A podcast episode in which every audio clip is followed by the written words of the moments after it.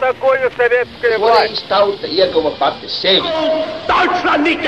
Liktenīgas nejaušības un slēptas likumsakarības, subjektīvas patiesības un objektīvi aizspriedumi.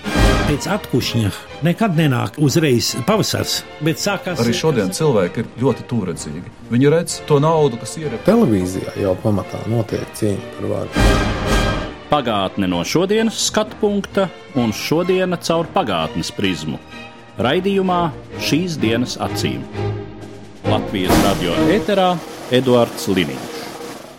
Labdien, cienījamie klausītāji! Šis gads ir diezgan īpašs runājot par mūsu pasaules daļas, Austrum Eiropas un kādreizējās Padomju Savienības vēsturi. Proti, gadskārtu kopš oktobra apvērsuma 1917. gada novembra sākumā.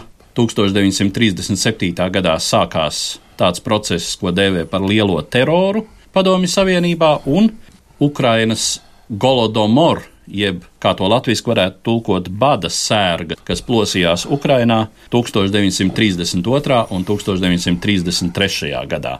Visiem šiem notikumiem ir tieša saistība ar tādu fenomenu kā bolševisms. Mans sarunbiedrs šodien Latvijas Universitātes profesors Ilgvars Butulis. Kā jau teicu, visus šos notikumus vienā kopsakarību virknē saista tas, ka šo notikumu virzītāja spēks ir partija, kuru pilnā nosaukumā dēvē par Viskrievijas komunistisko iekavās bolševiku partiju. Nu, sāksim tātad ar to pirmo datumu, ar 1917. gadu. Padomju kanons paredzēja, ka mēs to visi dēvējām par lielo oktobra sociālistisko revolūciju. Jau toreiz bija dzirdēta, un šobrīd arvien biežāk dzird, ka to dēvē vienkārši par oktobra apvērsumu. Kā tad īsti ir apvērsums vai revolūcija? Protams, tagad ir pieņemts runāt, un lielā mērā tas ir pareizi par apvērsumu. Ja mēs runājam tieši par to, kas notiek oktobrī 1917. gadā, bet ja mēs runājam par šo gadu kopumā, nerunāsim par oktobra revolūciju, bet runāsim par Krievijas revolūciju, tad revolūcija kā tāda, ja mēs ar to saprotam tādas radikālas pārmaiņas, 17.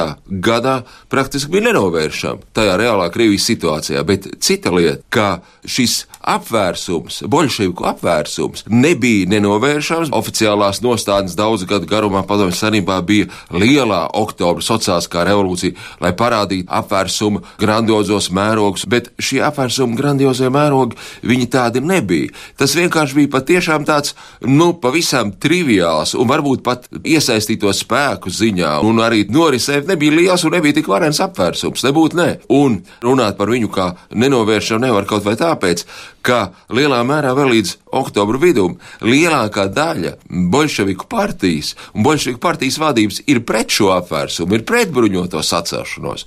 Un, protams, ir otra lieta. Arī, kad mēs skatāmies, obligāti nav tūlīt pēc oktobra apvērsuma bolševiku vienvaldība, jo arī tur toreiz pastāv alternatīva. Tātad kreisie eseri un pastāv vēl plašāk, arī tur var sākumā runāt, ka ir iespējas arī ar daļu no, teiksim, menševiku partijas veidot tātad jau revolucionāru daudzpartiju sistēmu. Tā kā tas viss ir nevis nenovēršams raksturs, tas varbūt ir Krievijas specifika, jo kādreiz tas jau vēl caru laikos slavenais Krievu vēsturnieks Kļučevskis teica tā, ka ja mēs iztēlojamies Krieviju kā tādu varenu jātnieku, tad nekad šo vareno jātnieku tādā tiešā triecienā nogāzt nevarēs, bet pietiks kaut kur aizgriezt šim jātniekam seglas siksns, un viņš vienkārši novelsies.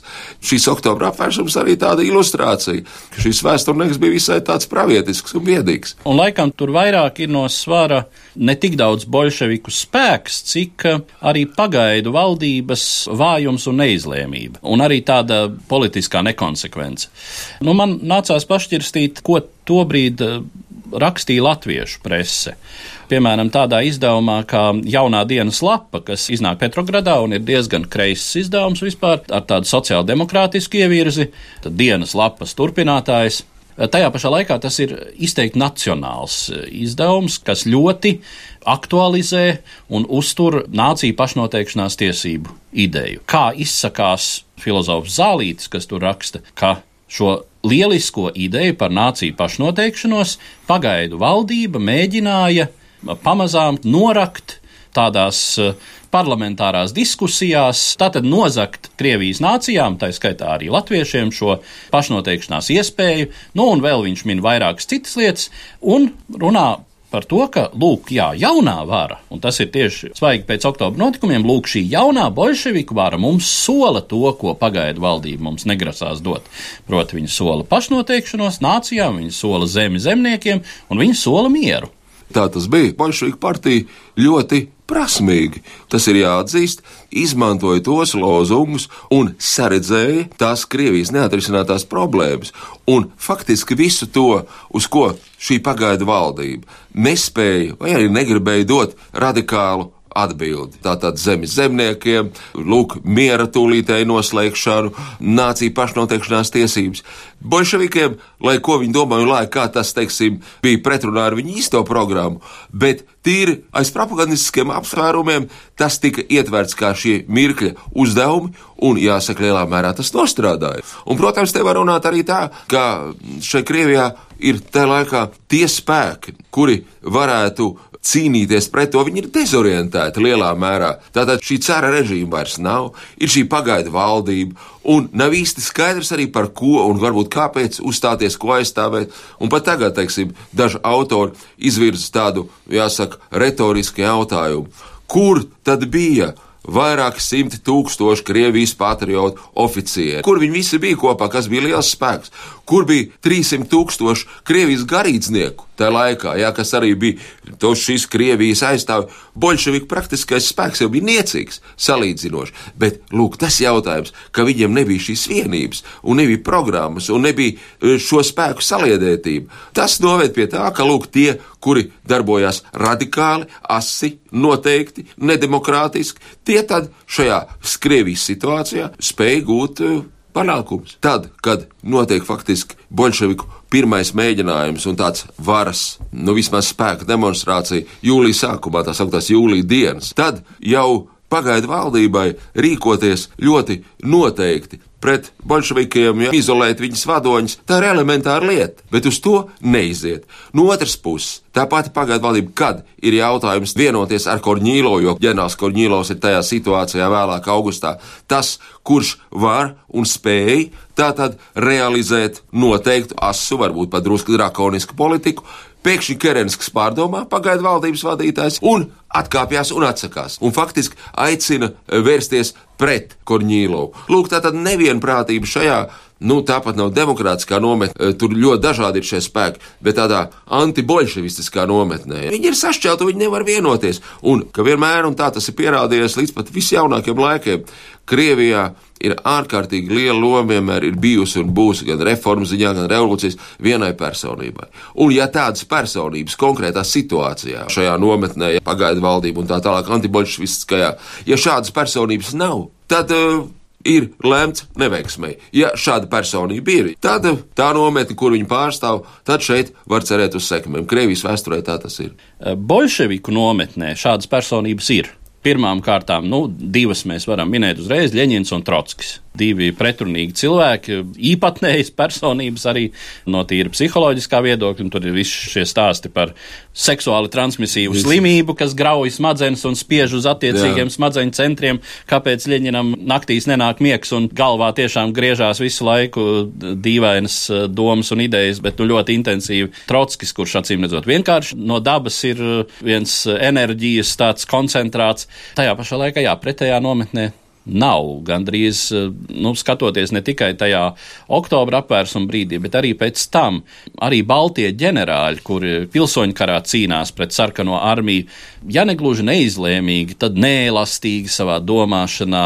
Tas pats Kolčaks, kurš tiešām pieķeras vienai kaut kādai savai vīzijai par atjaunojamo Krievijas uh, lielvalsti un nav gatavs nekādiem kompromisiem, un tad gal galā cieši tāpēc lielā mērā sakā uzreiz redzams. Šo cilvēku nav, kas būtu gatavi tā līdz galam, vai arī būtu spējīgi eh, līdz galam cīnīties pret bolševikiem. Bolševiki varbūt ir stihis, bet labāk izprot tā laika plašu Krievijas masu noskaņojumu.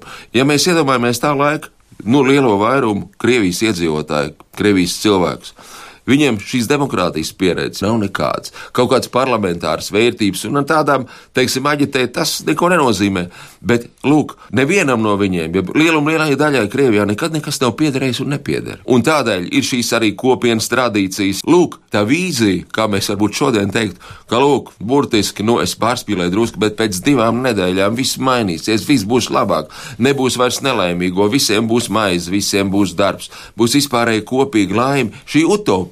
Viņi ļoti dzīvīgi, un bolševiki to lieliski izmanto. Viņi dod šo ainu cilvēkiem, šo cerību. Tā nav rietuma Eiropa, kur, teiksim, vērtība ir šis nepārtrauktais ikdienas darbs, cīnīties, lai man būtu labāk likt krāt un reformu pie reformas un pakāpeniski būvēt šo ēku. Tas nedara. savs kaktiņš, savs stūrītis tas zemes, kā Latvijas. Tas nedara. Bet ar vienu rāvienu atrisināt visas šīs problēmas un radīt laimīgu sabiedrību. Jā, un tā utopija ir ļoti spēcīga.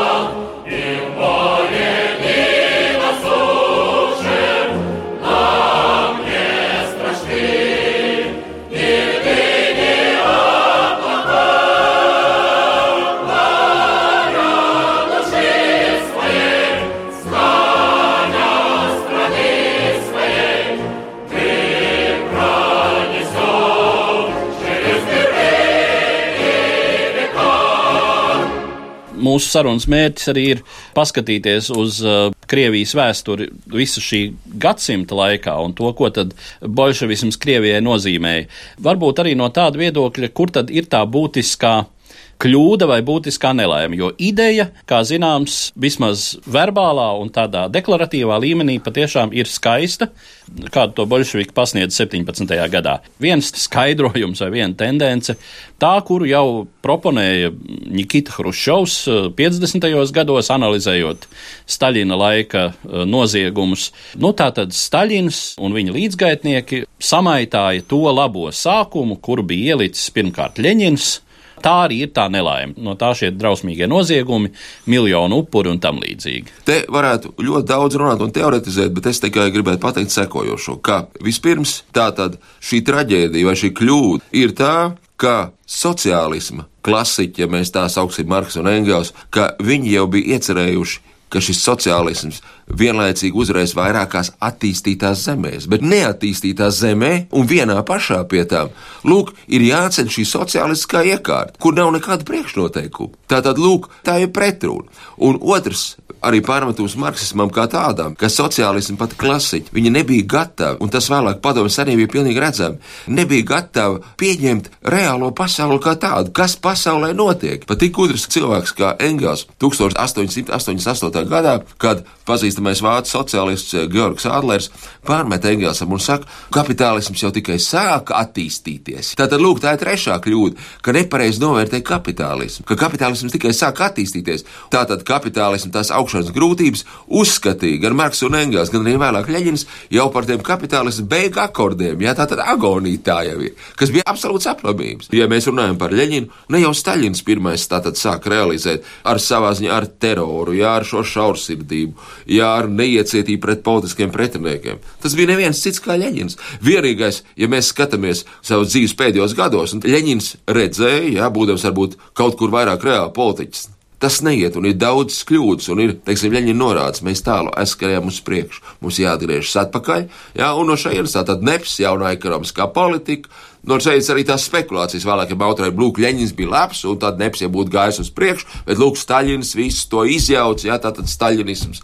Nu, protams, staļinisms tas ir ekstrēms variants, bet uh, tas ir radies un veidojies jā, tajā sociālismā, kāds viņš bija. Izaugs no leņķinisma, nekā citādi. Tas laikam gan ir tas būtiskais secinājums, runājot par to sociālismu variantu, par kādu izvēršas bolševisms, ka vispirms problēmas ir pašā ideoloģijas pamatā, ir marksismā kā tādā, ka staļinisms, kā ekstrēmais variants, patiešām sakņojas un balstās tajā mantojumā, ko tam atstāja Ļeņins, vienkārši zināmā mērā noved to līdz tādai ekstrēmai konsekvencei. Un tā viena tā lielā problēma, kas pusfeodālajā, tiešām atpalikušajā Krievijā bolševikiem ir Krievu zemnieks. Te mēs tuvojamies tai otrai tēmai, par kuru mēs šodien gribētu runāt, un tas ir katastrofālais bats, kas iestājas Krievijas auglīgākajā, lauksaimniecībai vislabvēlīgākajā reģionā. Tas ir Ukrainas stepju josla, kas ir bijusi Eiropas maizes klēts.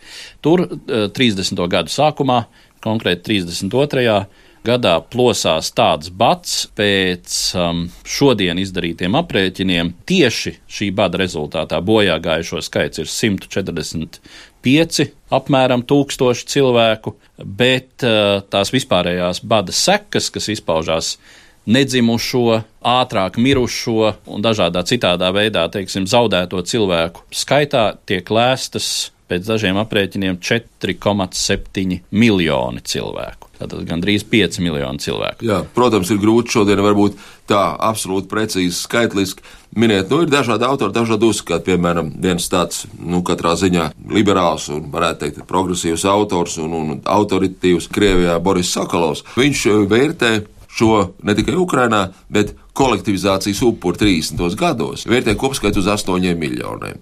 Savukārt, pavisam nesen izdeva tāds bija speciāli izlaidums Vācijā populārais žurnāls Osto Eiropā, Austrum Eiropa, vienu veselu milzīgu numuru veltītāts šim Ukrainas badam, kur startautiskas autoritātes un arī Ukraiņu vēsturnieki rakstīja. Un šeit Ukrainā vien, pat Ukraiņu vērtē kaut kur, arī, piemēram, vācu zinātnieki, apmēram uz 6 miljoniem teroram Ukrainā, kas izpaužas kā tāda bāda inspirēšana, viņam ir viens tas ekonomiskais apsvērums, tātad izsūkt pēc iespējas vairāk šos līdzekļus, savaldīt šos ukraiņu zemniekus, viensētniekus, kuri nenodod valstī labību, bet ir otrs moments, un kāpēc tieši Ukrainā? Tā ir vēršanās arī pret Ukraiņiem kā tādiem, pret Ukrainu un Ukrainas varbūt nacionālo ideju. Jo kāda ir situācija? 20. gadu otrā pusē Ukrainā ir tā sauktie ukrainizācijas gadi. Un Ukraiņas vadītāji tajā laikā, teiksim, Skripņiks, Čubārs, Kosjors, izvirza tādu teoriju, un tā izrādās diezgan arī reāli, ka Ukrainā sociālisms var būt veiksmīgs tikai tad, ja viņu attīst caur Ukrainismu ideju.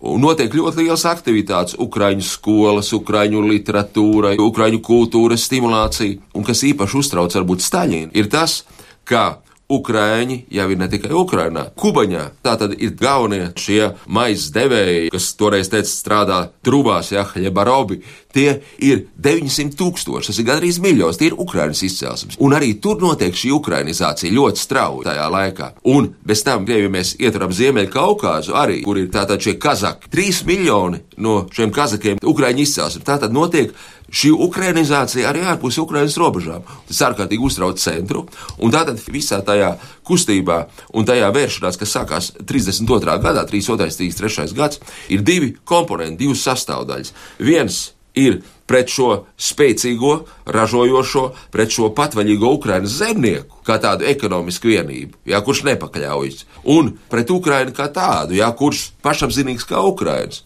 Un šeit ir jautājums par to, kā šodien vērtēt, ir arī strīdi, jā, šajā pašā žurnāla numurā daudz jau sevišķi Ukraiņu autors sauc par, par genocīdu. Visīstākā nozīmē, ka tas tomēr ir kaut kur genocīds pret vienu veselu tautu. Teiksim, neprovocēts, nekādā veidā neizsaukts, bet katrā ziņā, kā tas notiek, visi šie Ukraiņas ciemi tiek aplenkti, izolēti, un tradicionālā Krievijā bija tā, nu, ja ir bats, tad es dodos citur, bet no Ukrainas nevienam neļauj izbraukt, ne iebraukt, ne izbraukt. Visstingrākā militārā kontrola, un bez tam neiet runa vairs par labības rekvizīciju, kas arī nenotiek citur, kolektivizācijas laikā, bet ir tādi noteikumi, nu, kas ir klāji, teiksim, nu, provokatoriski. Ja attiecīgais kolhos nespēja nodot šajos bāda 3, 2, 3, 3 gadā, un tādi ir 90%, kas nespēja izpildīt tās lielās labības klaušas, tad viņiem uzliek 15 kārtīgu gaļas un speķa piegādi, ko vispār nevar izpildīt, un tiek atņemts viss pat jeb katra sīpola virtene, kaltētas sēnes, tā kā vispār pārtiks rezervu kā tāda nav, jo tās tiek atņemtas. Situācija tā ir vairāk kā traģiska, tā ir vienkārši briesmīga.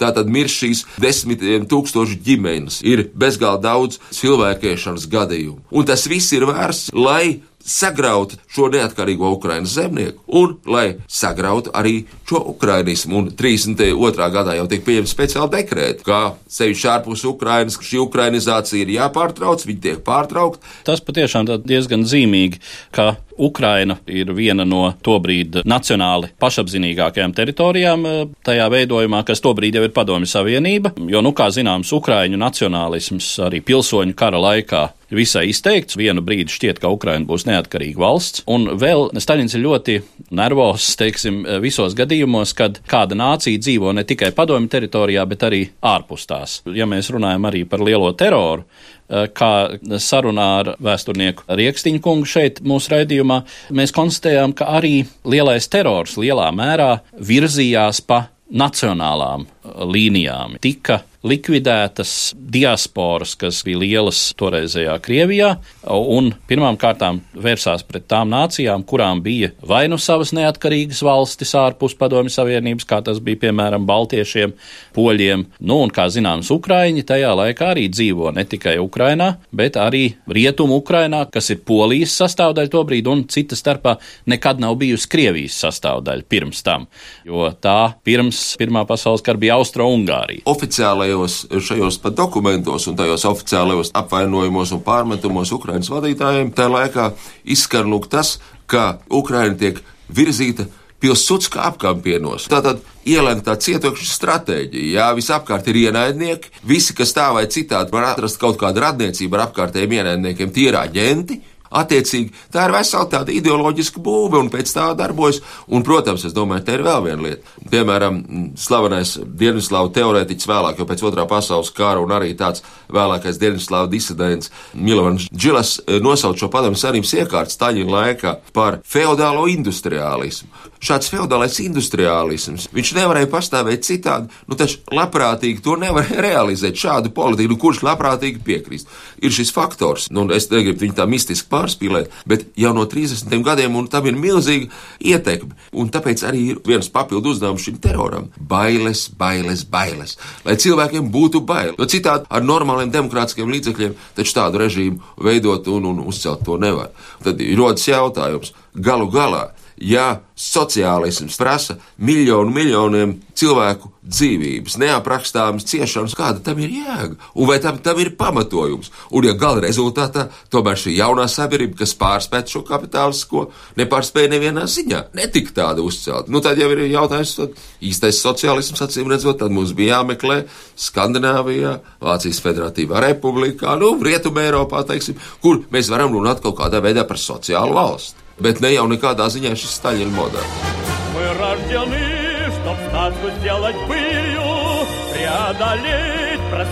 и простор. Нам разум дал стальные руки крылья, а вместо сердца пламенный мотор. Все выше, выше и выше стремим мы полет наших птиц, и в каждом пропеллере спокойствие наших границ.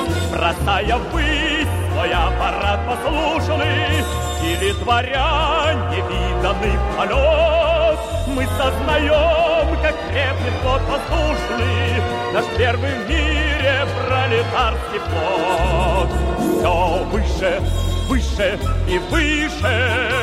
Стремим мы полет наш кит, и в нам пропели ряды шит Спокойствие наших границ.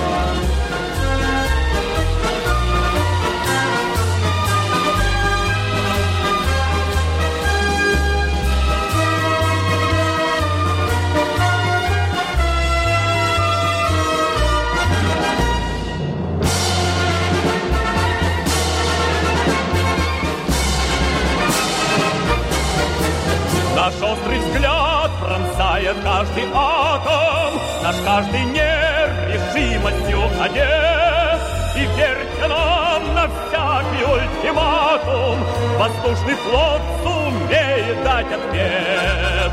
Все выше, выше и выше Стремим мы полет наш И в каждом пропеллере дышит Спокойствие наших границ Tuvinot mūsu sarunu noslēgumam, tas, kas mums šobrīd varētu būt aktuāli un interesanti, pirmām kārtām, mēs arī esam savā ziņā šīs eh, iekārtas mantinieki. Protams, pret savu gribu, bet arī Latvija nonāk vēlāk, mazliet 40. gadā. Nu, Latvijai savā ziņā paveicās kā saka, laime nelaimē, ka mēs netikām kā aizkaukās republikas, piemēram, Padomju Savienībā jau 20. gados. Mēs nepiedzīvojām šīs baisās nāciju izmērdēšanas kampaņas, mēs nepiedzīvojām kā visa nācija lielo teroru. Tur Padomju Savienībā salīdzinoši īsāku laiku bijām spiest dzīvot tajā Staļina kazarmā, bet tomēr savs periods tur ir pavadīts, domājot par to, kas šodien notiek Latvijā un kāpēc dažas lietas ir tādas, kādas ir. Iemesli ir meklējami arī droši vien šajā mantojumā. Un te varbūt ir svarīgi tiešām formulēt, kas tad īsti bija tā iekārta un tā sistēma, kurā mēs dabūjām, kā nācija dabūjām padzīvot apmēram 50 gadus. Man, kā saka, iekrita ausī jūsu teiktais par šo Milovana Džilasa formulējumu. Tā sistēma, kurā mēs dzīvojām, tas nebija sociālisms. Protams, ne. Tādā ziņā patiešām par uzvarējušā sociālismu zemēm ar zinām ironisku noti mums ir jāsauc pirmām kārtām Zviedrija, Norvēģija un Dānija. Tas, kas bija Padomju Savienībā, tāds īpatnējs veidojums, kur ir patiešām kaut kādi feodālisma elementi. Latvijas sabiedrībai būtu jābeidz sarauties, un sevišķi latviešu sabiedrībai alaži izdzirdot vārdu sociāls, sociālistisks un tam līdzīgi. Tam nav sakara īsti ar to, kas notika Padomju Savienībā. Tas nebija sociālisms. Ja mēs šodien runājam par sociālismu, tad tas jau ir kaut kas pavisam cits, un, līdz ar to partija, kura varbūt sevi pat dēvēt par sociālistisku partiju, šāda partija nav automātiski uzskatāma par vai bolševismu vai staļinismu mantinieci. Otra lieta, ja mēs šodien Latvijā kaut kur saskatām, arī piesaucam vārdā, sakot, ka vispār pie mums tā kā ir feudālisms reizēm manāms, tad tā nav gluži metāfora. Jo lielā mērā mēs dzīvojām patiešām iekārtā, kurā bija elementi, kas vairāk piestāv nevis kaut kādai modernai vai kapitalistiskai vai sociālistiskai sistēmai, bet tiešām feudālismam un iespējams pat vēl agrākām sociālām formācijām. Ar to droši vien mums alaži ir jārēķinās, kad mēs skatāmies arī uz šodienas Latvijas situāciju, jo nu, tajā jau aug un veidojās tie cilvēki, kurš šodien veido Latvijas politiku lielā mērā. Es jums pilnīgi piekrītu, tikai vienu pavisam sīku piezīmi. Jūs teicāt pareizi. Tātad šo sociālismu jau kā vārds pats par sevi sociālisms nav slikts, tas ir labs vārds, bet uh, ir tas, ka tāds sociālisms, kā bija pie mums, tas ir traucējis attīstīties, un tā ir arī Latvijas viena no sliktām momentiem un pat traģēdijām šodien. Īstiem sociāliskiem momentiem, ja mēs, piemēram, skatāmies, kā Rietumē Eiropā, cik liela un nozīmīga loma un cik spēcīgi ir darba kolektīvi. Ko nozīmē, teiksim, īsts sarotbiedrības. Mums jau tam traucēja izveidoties tas deformētais. Tādā ziņā sociālisms, ja un tie elementi, kas mums ir visā Eiropā, Rietumē Eiropā, tie ir normāli un pozitīvi vērtējami. Tas ir šī režīma lielā mērā sekas. lielā mērā jāsaka, skatoties atpakaļ uz tiem 90 gadiem, kas kopš 17. gada ir pagājuši, daudzajā ziņā šai pasaules daļai pazaudēts un murgā pagājis laiks. Jā, Varam tikai priecāties, ka tas ir aiz muguras. paldies Dievam! Jā, paldies Jā. Dievam! Un paldies par sarunu Paldies jums! Latvijas Universitātes profesoram Ilgvaram Butulim. Par pagātni sarunājas Eduards Liniņš.